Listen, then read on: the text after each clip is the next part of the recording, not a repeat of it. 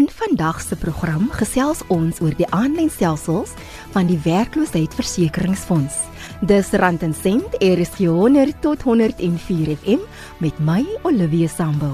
Baie welkom en dankie dat jy ingeskakel het.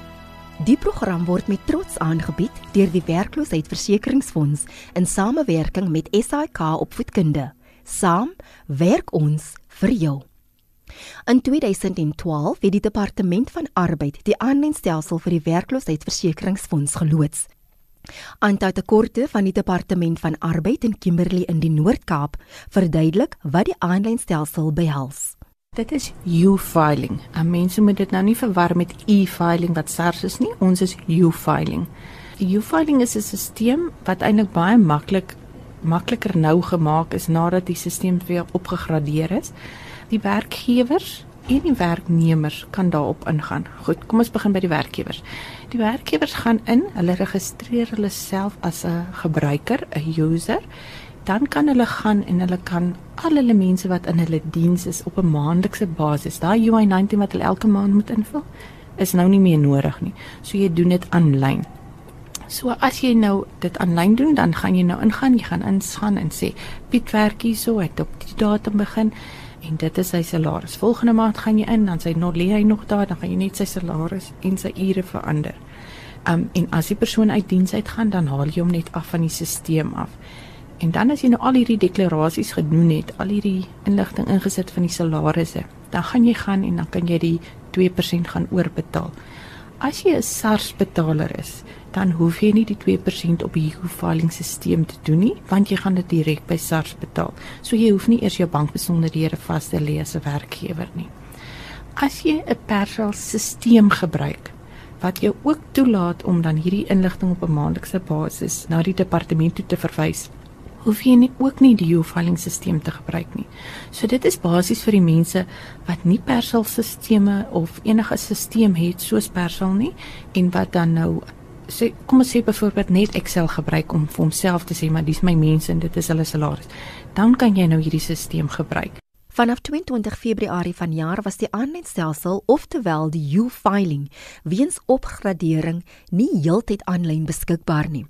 Die departement van arbeid het beloof dat tegniese probleme teen die 1 April opgelos sal word, maar die datum is toe na Julie maand verskuif. Beide werkgewers en werkers het eindelose probleme ondervind om te registreer en deklarasies op die stelsel te laai. Toe die opgradering voltooi is, want historiese inligting van werkers het verlore gegaan tydens die proses. Dit het daartoe gelei dat werkers nie hulle geld kon eis wat hulle so brood nodig het nie. En ongelukkig is die oplossing nie 'n maklike een nie. Ek gaan nou mense hoor wat sê ja, maar die stelsel het verander en al my goed het nou weggeraak. Dit is 100% korrek. Daar was ongelukkig komplikasies gewees met die upgrade van die stelsel. Die mense sal ongelukkig en jammer dat ek nou hier moet sê, maar die mense sal ongelukkig of manual of elektronies daardie inligting weer moet bevestig. So hulle sal moet teruggaan na die stelsel toe en vanaf Maart 2014 al die inligting wat hulle alreeds vir ons gegee het, weer moet voltooi of as hulle voel dit is te veel werk vir hulle, hulle gaan nie op hierdie stelsel elke dag ingaan en al hierdie ou goeders weer gaan invul nie. Dan moet hulle ongelukkig die UI19 weer voltooi vir die departement van arbeid stuur sodat ons dit dan elektronies kan vas lê.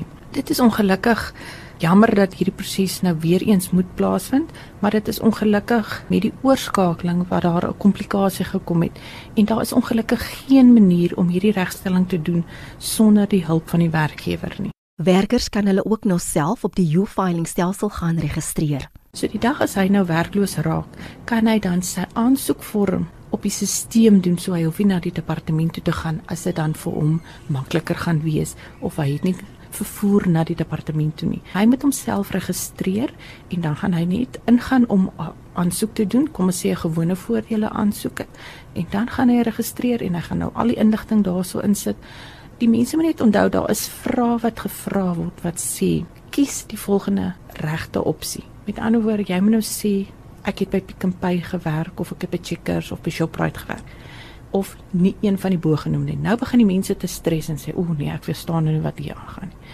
Maar jy moet net seker maak dat jy weet waar jy vorige plek gewerk het of wat was jou vorige selfoonnommer of wat is jou e-mailadres. Want ons vra sulke vrae om seker te maak dat die persoon wat wel die aansoek doen, die regte persoon is. En die mense hoef nie na ander plekke toe te gaan en te sê hoor doen gou vir my die registrasie en ek betaal jou nie. Dis aanlyn en dis gratis. Niemand hoef vir niemand geld te betaal om hierdie inligting te doen nie. En as jy onseker is hoe om die stelsel te gebruik, is jy nog steeds welkom om na die departement toe te gaan en jou aansoek daar te gaan indien. So die werknemer kan basies dan sy aansoeke aanlyn doen of om te gaan kyk is hy geregistreer by 'n werkgewer.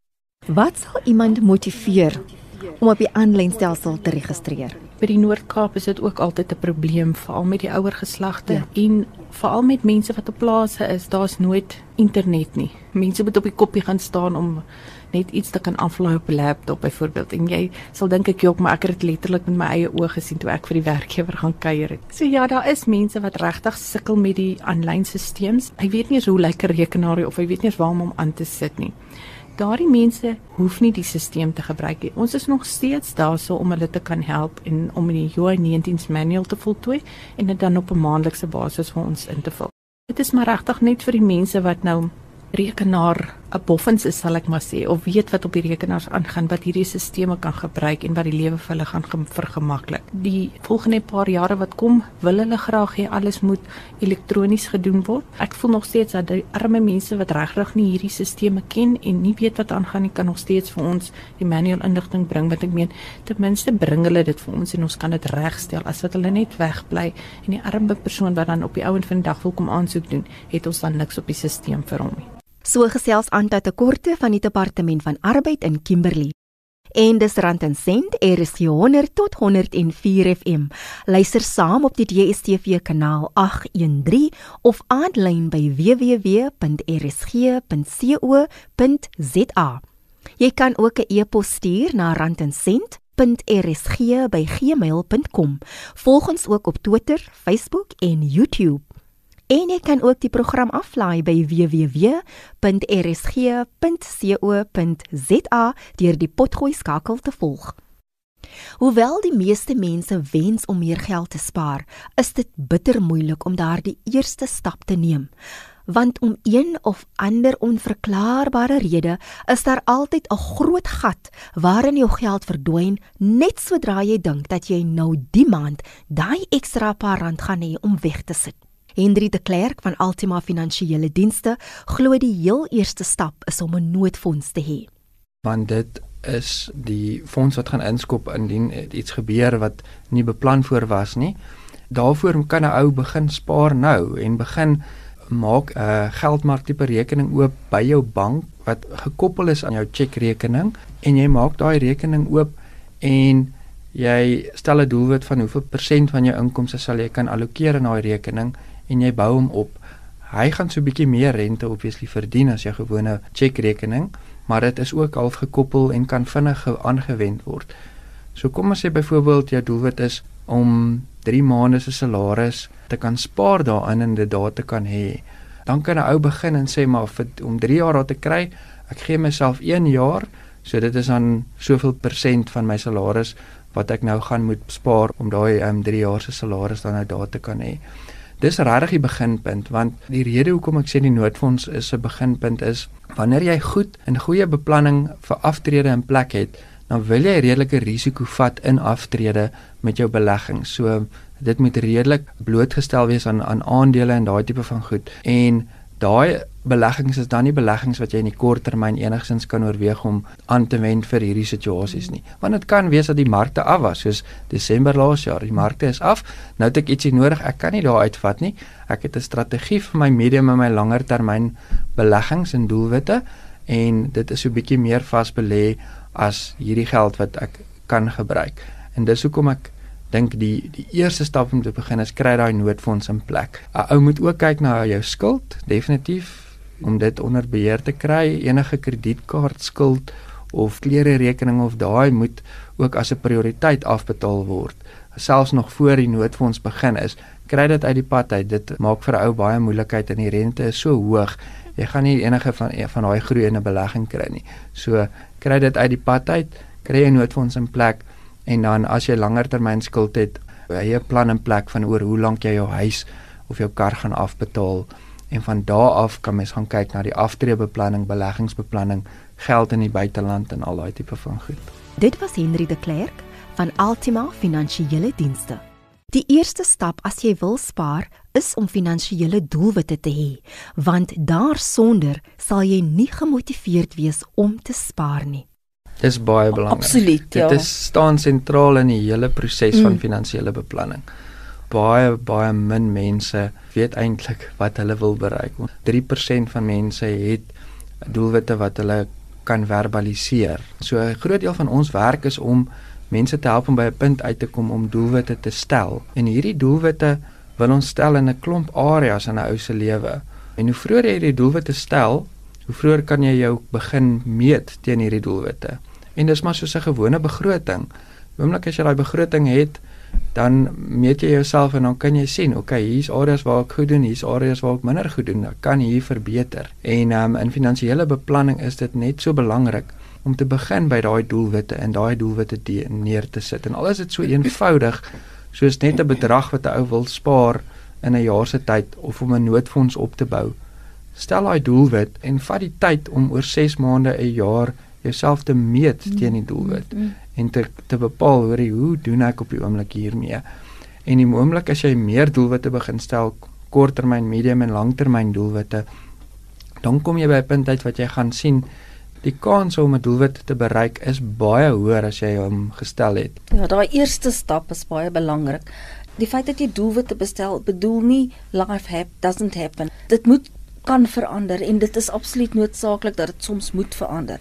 En die hersiening van dit is belangrik en dis waar jy agterkom moet iets verander. Nou het iets gebeur wat dit noodsaaklik maak dat ons iets moet hmm. verander, ja. So praat Jojan Antak en Henry de Klerk van Altima Finansiële Dienste om 'n kultuur van spaar aan te moedig, kan jy klein begin. Begin so vroeg as moontlik en dit maak nie saak hoe klein dit is nie. Raak gewoond aan dit. Dit moet 'n so dissipline wees, soort van ding. Betaal jouself eers deur te spaar en dan kan jy ander goed doen. Carla Oberholzer, skuldadviseur van DebtSafe, stem saam dat elke sent wat jy spaar op die langtermyn wel verskil kan maak definitief Olivia. Ek dink al is dit net 'n klein bedrag waarmee jy begin. Sê dit begin met 'n R50. En vir ons klink dit nou nie baie nie, maar sodra jy na maande en jare se spaar van R50 bymekaar sit, dit gee vir jou nogal 'n bedrag hier. As ons kan besef alle goeie dinge neem tyd en spaar is een van daai dinge. Ja, definitief. Die instant gratification generasie van ons hulle noem ons mos die social media generasie. So dit is moeilik want ons wil die goed nou hê en dit is die era waarin ons groot word want goed is so maklik toeganklik vir ons. En ons leef in 'n digitale era as jy dit so kan stel. En die ding is wat ons vergeet is, baie keer is daar ook 'n aardige maniere wat jy nou nie kan dink regtig spaar is nie en soos jy sê wat jy nie nou kan sien nie. Maar as jy nou baie keer goed spandeer, dan spaar jy vir later. Dit sluit in soos goed soos 'n seepensioenfonds, jou lewensversekering, jou kar en jou huis se maintenance, daardie hospitaalplan waarvoor jy moet betaal, selfs jou diere, jou versekering wat jy aan hulle spandeer. En selfs die kredietware, as ons nou kyk na al daai duur groceries waarvoor ons betaal, maar as jy nou 'n goeie stok kan doen van likkies kos in jou kas en dit kan jou op die lang termyn meer spaar al daai is spaar. Ek sien dit nie noodwendig as geld nie. En miskien later sal jy dit besef. Ek dink mense moet regtig soos jy sê daardie kop skuif maak en besef ek moet daardie instelling hê en daardie money psychology wat my dan deursit vir 'n spaar generasie en natuurlik 'n 'n spaar journey waar ek op myself sit. Carla Oberholzef stel ook voor dat jy by jou begroting moet hou wanneer jy kredietnuursware gaan koop dit is baie belangrik dat mense dan hulle shoppinglysies saamvat. En iets wat ek besef het in my persoonlike lewe is daai maaltydbeplanning. Jy weet ons kom baie keer by die huis ons almal so honger en gryp net kos en en stop dalk gou by die winkel en dit is wanneer die versoekings inkom. Maar as jy regtig reeds 'n lysie het van hierdie maandag eet ons dit en dinsdag eet ons hierdie dis en woensdag doen ons hierdie En dan as jy winkel toe gaan en jy het jou shoppinglys van wyk jy nie af van daai shoppinglys. Dit sal ook dan beperk dat ons nie onnodig by die winkel stop nie. En ek dink mense moet ook regtig hulle huiswerk doen. Wanneer hulle bulk betaal, is dit werklik 'n winskoopie? Is dit regtig 'n special soos vir daai rooi plakker daar op daai boks vleis staan? Of moet ons eerder individuele items koop? Hoekom is dit so moeilik vir mense om begrotings op te stel en daarbey te hou? Dis dissipline eerlikheid, eerlikheid oor hoeveel jy eintlik spandeer en dit wil ons eintlik nie weet. Hoeveel kere 'n week koop ek koffie want dis baie lekker daar maar ek kan dit net sowel by die werk of die huis gehad het. Mm. So ek dink 'n eerlikheid oor jou situasie en wat jou slegte gewoontes is, soort van ding. Ja. En dit is so maklik om mekaar te gebruik enige plek. Die tegnologie het dit ook makliker vir ons gemaak. Daar is toepassings wat 'n ou kan gebruik om te bepaal hoeveel spandeer ek in elke kategorie van my hmm. uitgawes. En ons moedig dit sterk aan dat ouens daai tipe toepassings gaan oorweeg.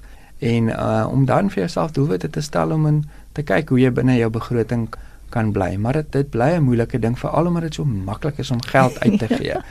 En die wêreld so aantreklik is bemarking is van so aard dat ou mm. kan nie wegkom van dit af nie jy weet. Jy sien oral al hierdie dinge wat jy wil koop maar dit vat soveel dissipline in. Dis hoekom ons ook sê vanuit finansiële beplanningsperspektief dat 'n ou jouself eers moet betaal. So eerste ding wat moet afgaan is jou spaar vir hierdie doelwitte wat jy stel en dan die res wat oorbly is beskikbaar. Dit was Henry de Klerk en Johan Antak van Altima Finansiële Dienste. As jy soos die meeste van ons van maand tot maand leef en elke maand met rooi oë wag vir jou salaris en jy regtig nie 'n dooie ekstra sent het nie, is daar steeds interessante maniere waarop jy jou geld kan spaar ons hoor deesdae ons moet groen wees en ons moet 'n groen gesin wees en ons moet alles groen inspireer. En hulle verwys natuurlik na die 3 R'e, die reduce, reuse en recycle. So as jy kyk na verminder, dit is basies wanneer jy afval beperk en ook probeer om afval te voorkom. En 'n baie goeie voorbeeld wat ek dink mense kan 'n praktiese voorbeeld gebruik is om materiaalservette te gebruik in plaas van papierservette wat jy dan nou die hele tyd moet aankoop. Jy moet nou heeltyd geld uitgee vir daardie servette. In plaas van waar jy lapservette kan gebruik en dit eenmal 'n week dan nou net was om met jou ander wasgoed. En dan natuurlik wanneer dit kom by hergebruik, is dit natuurlik wanneer 'n produk of item weer en weer gebruik kan word. Jy hoef nie aanhoudend weer eens nou nuwe te koop en onnodig geld te spandeer nie. En nou op die ou en dan sorg dit ook dat jy nou nie met baie gemors sit nie. En 'n voorbeeld dat dit daardie glas is wat jy kan koop en glasbottels en waar mense hulle konfyte in glasbottels kan maak en nie net wendig aan ander produkte of materiale nie. En dan natuurlik die laaste een is herwin. Ek wil eintlik die die, die luisteraar uitdaag en sê hoekom nie jou gesin verder deel maak van die groen generasie en hulle te laat deelneem aan herwinning nie. Dink soos 'n koeldrankblikkie, spuitgoed, verfblikke, glas papier, plastiek kan herwin word in Suid-Afrika.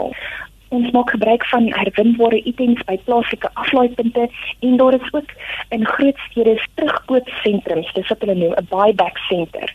En dit lyk nie op die oog af na baie nie, maar bietjie vir bietjie maak dit druppels natuurlik die emmer vol. Kredeniersware Want dis eintlik waar ons meeste vullis vandaan kom en dis die rede hoekom ons die meeste winkel toe ry is tog om kos te gaan koop. So, wat is jou wenke daar om te spaar? Kos en kruideniersware is baie duur Olivia en ons moet kyk waar ons kan spaar ons moet slim werk. So ek is een van daai mense wat altyd mense encourage om te sê hoorie maar as jy tel winkel toe gaan, hoekom maak jy dit nie net een keer 'n maand of dit is nou 'n bietjie lank of dan sê 2 tot 3 keer 'n maand. Maar sny jou weeklikse kruideniersuitstappies op pad winkel toe uit. En eerste al jy dit met die petrolprys wat nou afgegaan het, dan kan dit ook help en dan spaar jy op fuel cost en ek dink dat dit die beste is wat ek mense sal aanraai is om baie keer die klein span by die huis te los en dalk vir man lief of vrou lief te sê nee maar hou net gou oogie oor die kinders dat ek nie, nie saam met hulle in die winkel toe ingaan nie want anders is dit te geoe en 'n en 'n en 'n gehandskit en alles wat ons nou ons moet nou hierdie koop en ons kort hierdie en ons en ag dan koop jy nou regtig 'n trolly vol goed waar jy eintlik net 'n mandjie nodig gehad. Dit was Karla Oberholzer van DebtSafe in Pretoria. Vir enige hulp of inligting oor die werkloosheidsversekeringsfonds, gaan na jou naaste kantore van die Departement van Arbeid tydens kantoorure. Jy kan ook die tolvrye nommer skakel by 0800 843 0800 of 0800 UIF UIF of gaan aanlyn na www.labour.gov.za. Jy kan ook vrae stuur aan die werkloosheidsversekeringsfonds op Twitter, Facebook of per e-pos. Ek groet tot volgende Sondagmiddag om 5:00 hier op Brand en Sent RSG 100 tot 104 FM. Die program word weer Woensdagoggend om 04:30 herhaal. Totsiens van my Olivia Sambo. 'n Wonderlike week vorentoe.